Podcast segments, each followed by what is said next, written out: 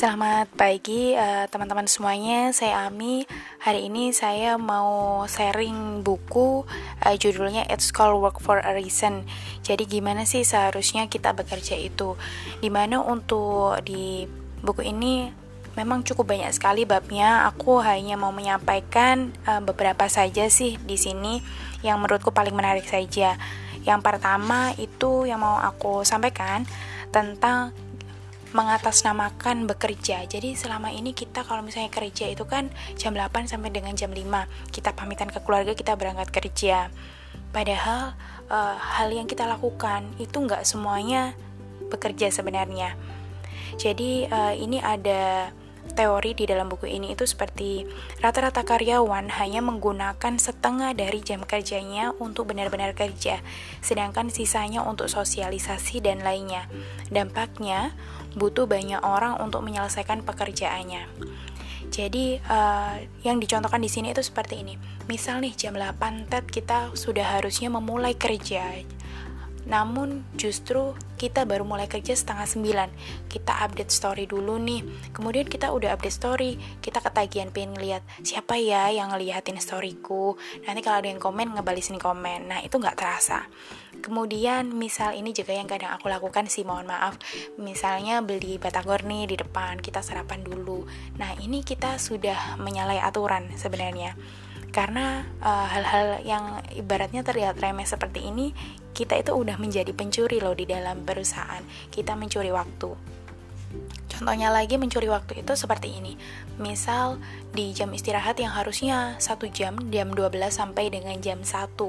Meskipun istirahat di depan itu nggak yang sakel kayak di call center dulu ya waktu aku kerja, tapi uh, kita itu justru meremehkan istirahat itu tadi jadi jam setengah 12 kita itu nggak ngerti kita nanti masih mau makan apa jam 12 kita baru order kemudian uh, makanan itu baru ready di setengah satu jadi setengah satu sampai setengah dua kita makan sambil ngobrol. Nah itu kan kita sudah korupsi waktu. Padahal sebenarnya uh, di jam 12 sampai setengah satu kita nunggu makanan kita harusnya bisa ngerjain sesuatu kan. Tapi enggak kita hanya nunggu atau kita ngobrol dan lain sebagainya.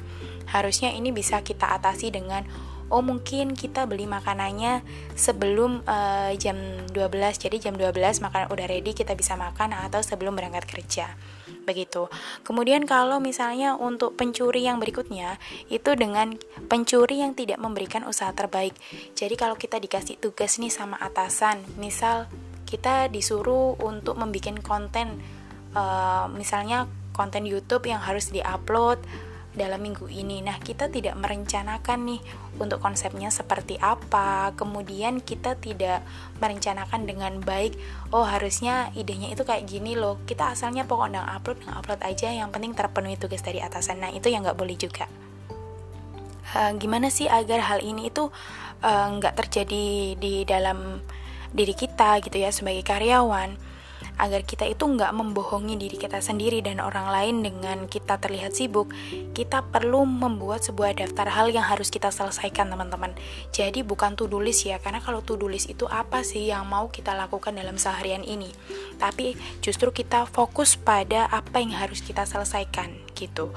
Karena dengan kita fokus pada yang apa kita selesaikan, maka kita bisa menentukan prioritas pekerjaannya. Contohnya seperti ini kita punya lima prioritas. Nah, tentu ada satu yang paling prioritas kan. Tak contohin aja untuk customer care ya. Customer care itu sehari harus follow up customer, 30 customer misal untuk customer lama. Kemudian harus menghubungi 30 customer lagi untuk customer baru terkait pelayanan the prince, pelayanan sales dan lain sebagainya. Nah, tetapi dalam berjalannya itu, misalnya aku tiba-tiba menemukan nih ada komplain dari customer. Aku harus mengesampingkan untuk tugasku yang tadi, tapi aku harus fokus dulu ke yang urgent yaitu menyelesaikan komplainnya dengan berkoordinasi misal dengan teknisi dan lainnya gitu.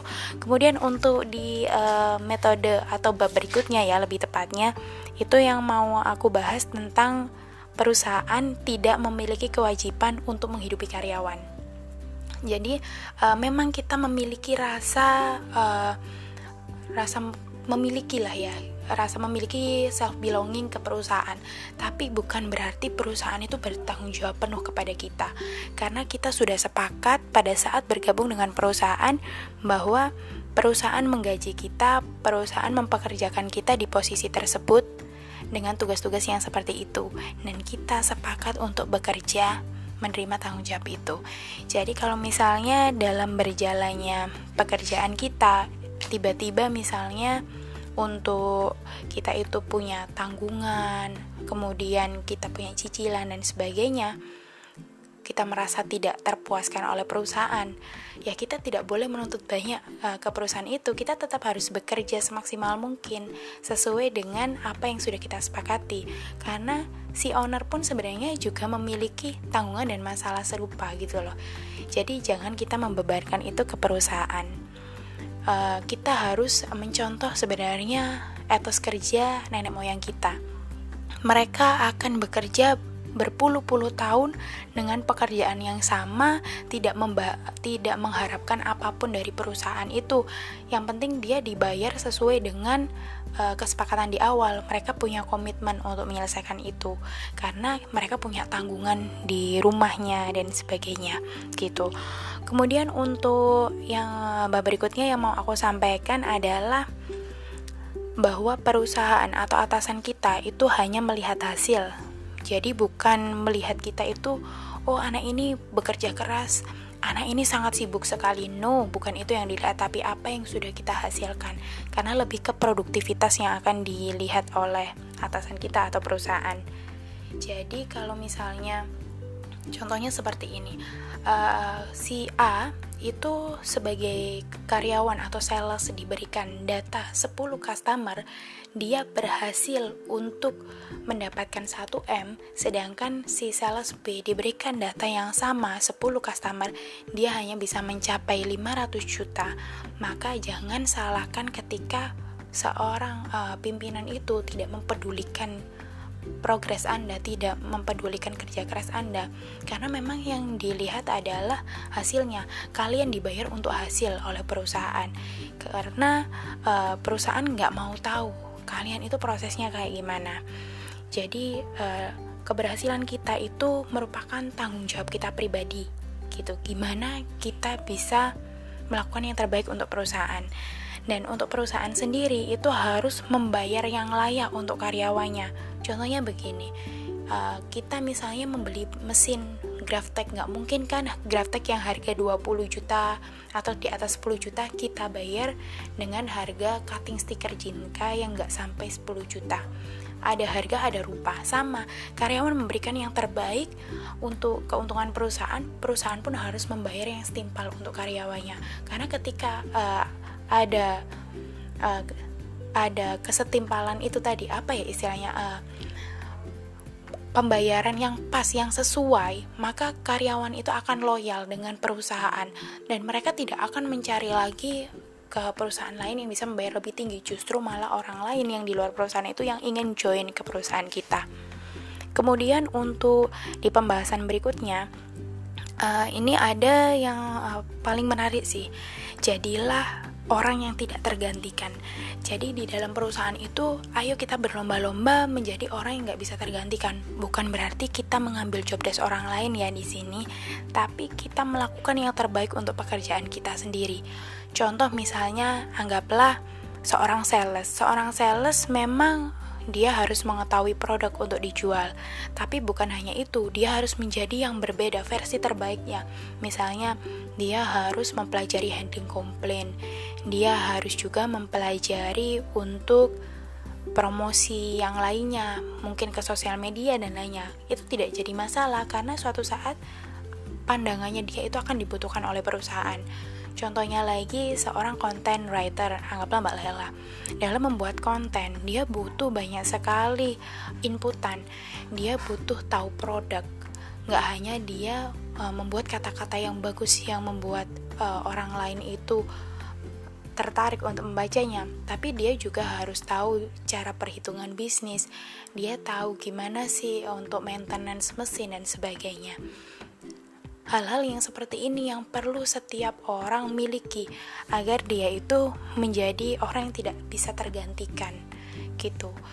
Uh, dicontohkan juga uh, ada sebuah perusahaan yang bergerak di bidang uh, resto ya lebih tepatnya memiliki seorang waiters yang mana dia bisa menghafal semua customer yang datang ke perusahaan uh, maksudnya ke resto tersebut di mana meskipun orang tersebut setahun itu hanya datang 2 sampai tiga kali doang.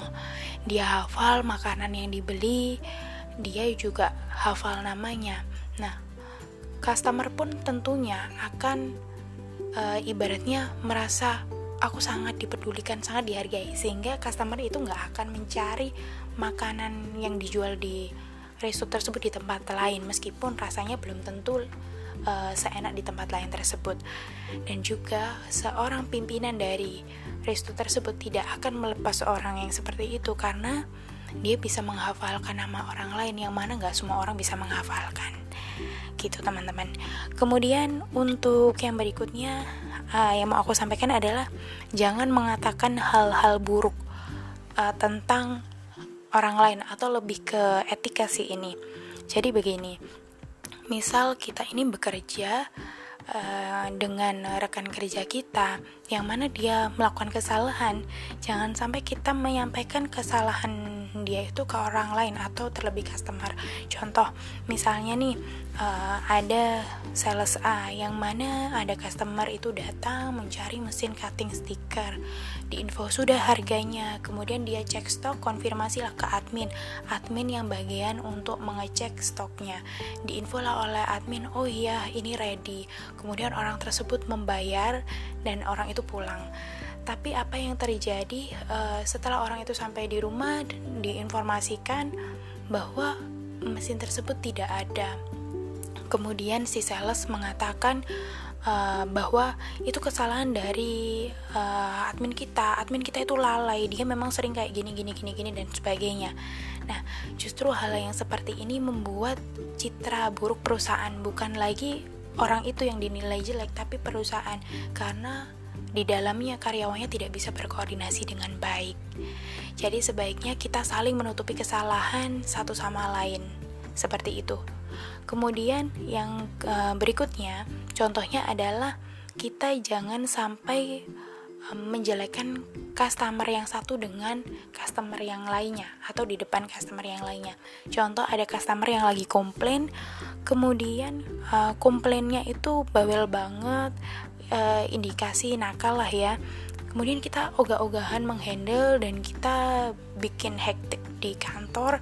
Dan ternyata pada saat itu ada customer yang lagi datang ke kantor mendengarkan bahwa kita menyampaikan uh, customer ini loh kayak gini seenaknya sendiri aja wong barangnya pecah ya bisa jadi dia bukanya kasar atau apa dan sebagainya nah customer yang mendengar itu kan bisa jadi oh ternyata ngeklaim di sini itu susah mereka sengaja nggak mempertanggung jawab dan sebagainya jangan sampai ada yang seperti itu karena uh, justru di sini terlihat jelek di perusahaan dan jelek di kitanya sendiri gitu. Kemudian yang ketiga, jangan menjelekkan kompetitor.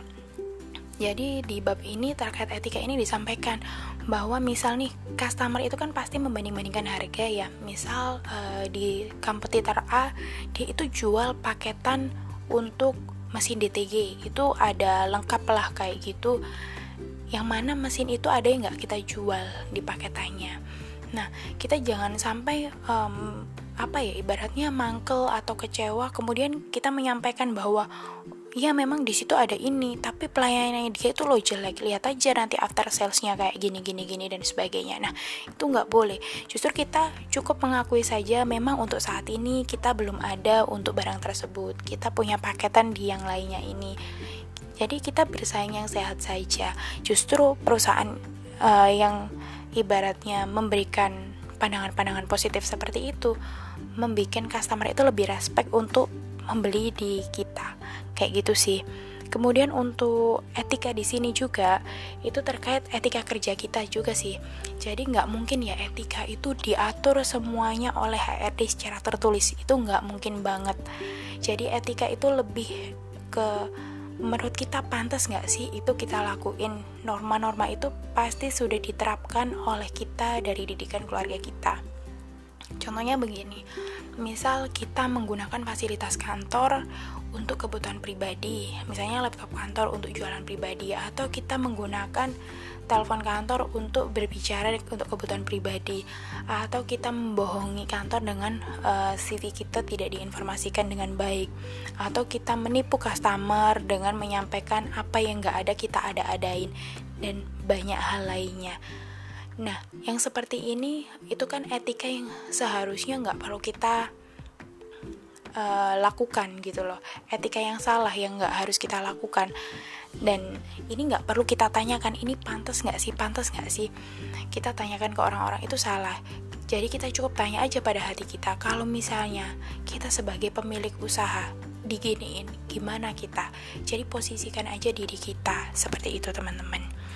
Kemudian untuk yang paling uh, terakhir di sini yang menurutku paling penting adalah lebih ke bertanggung jawab sih.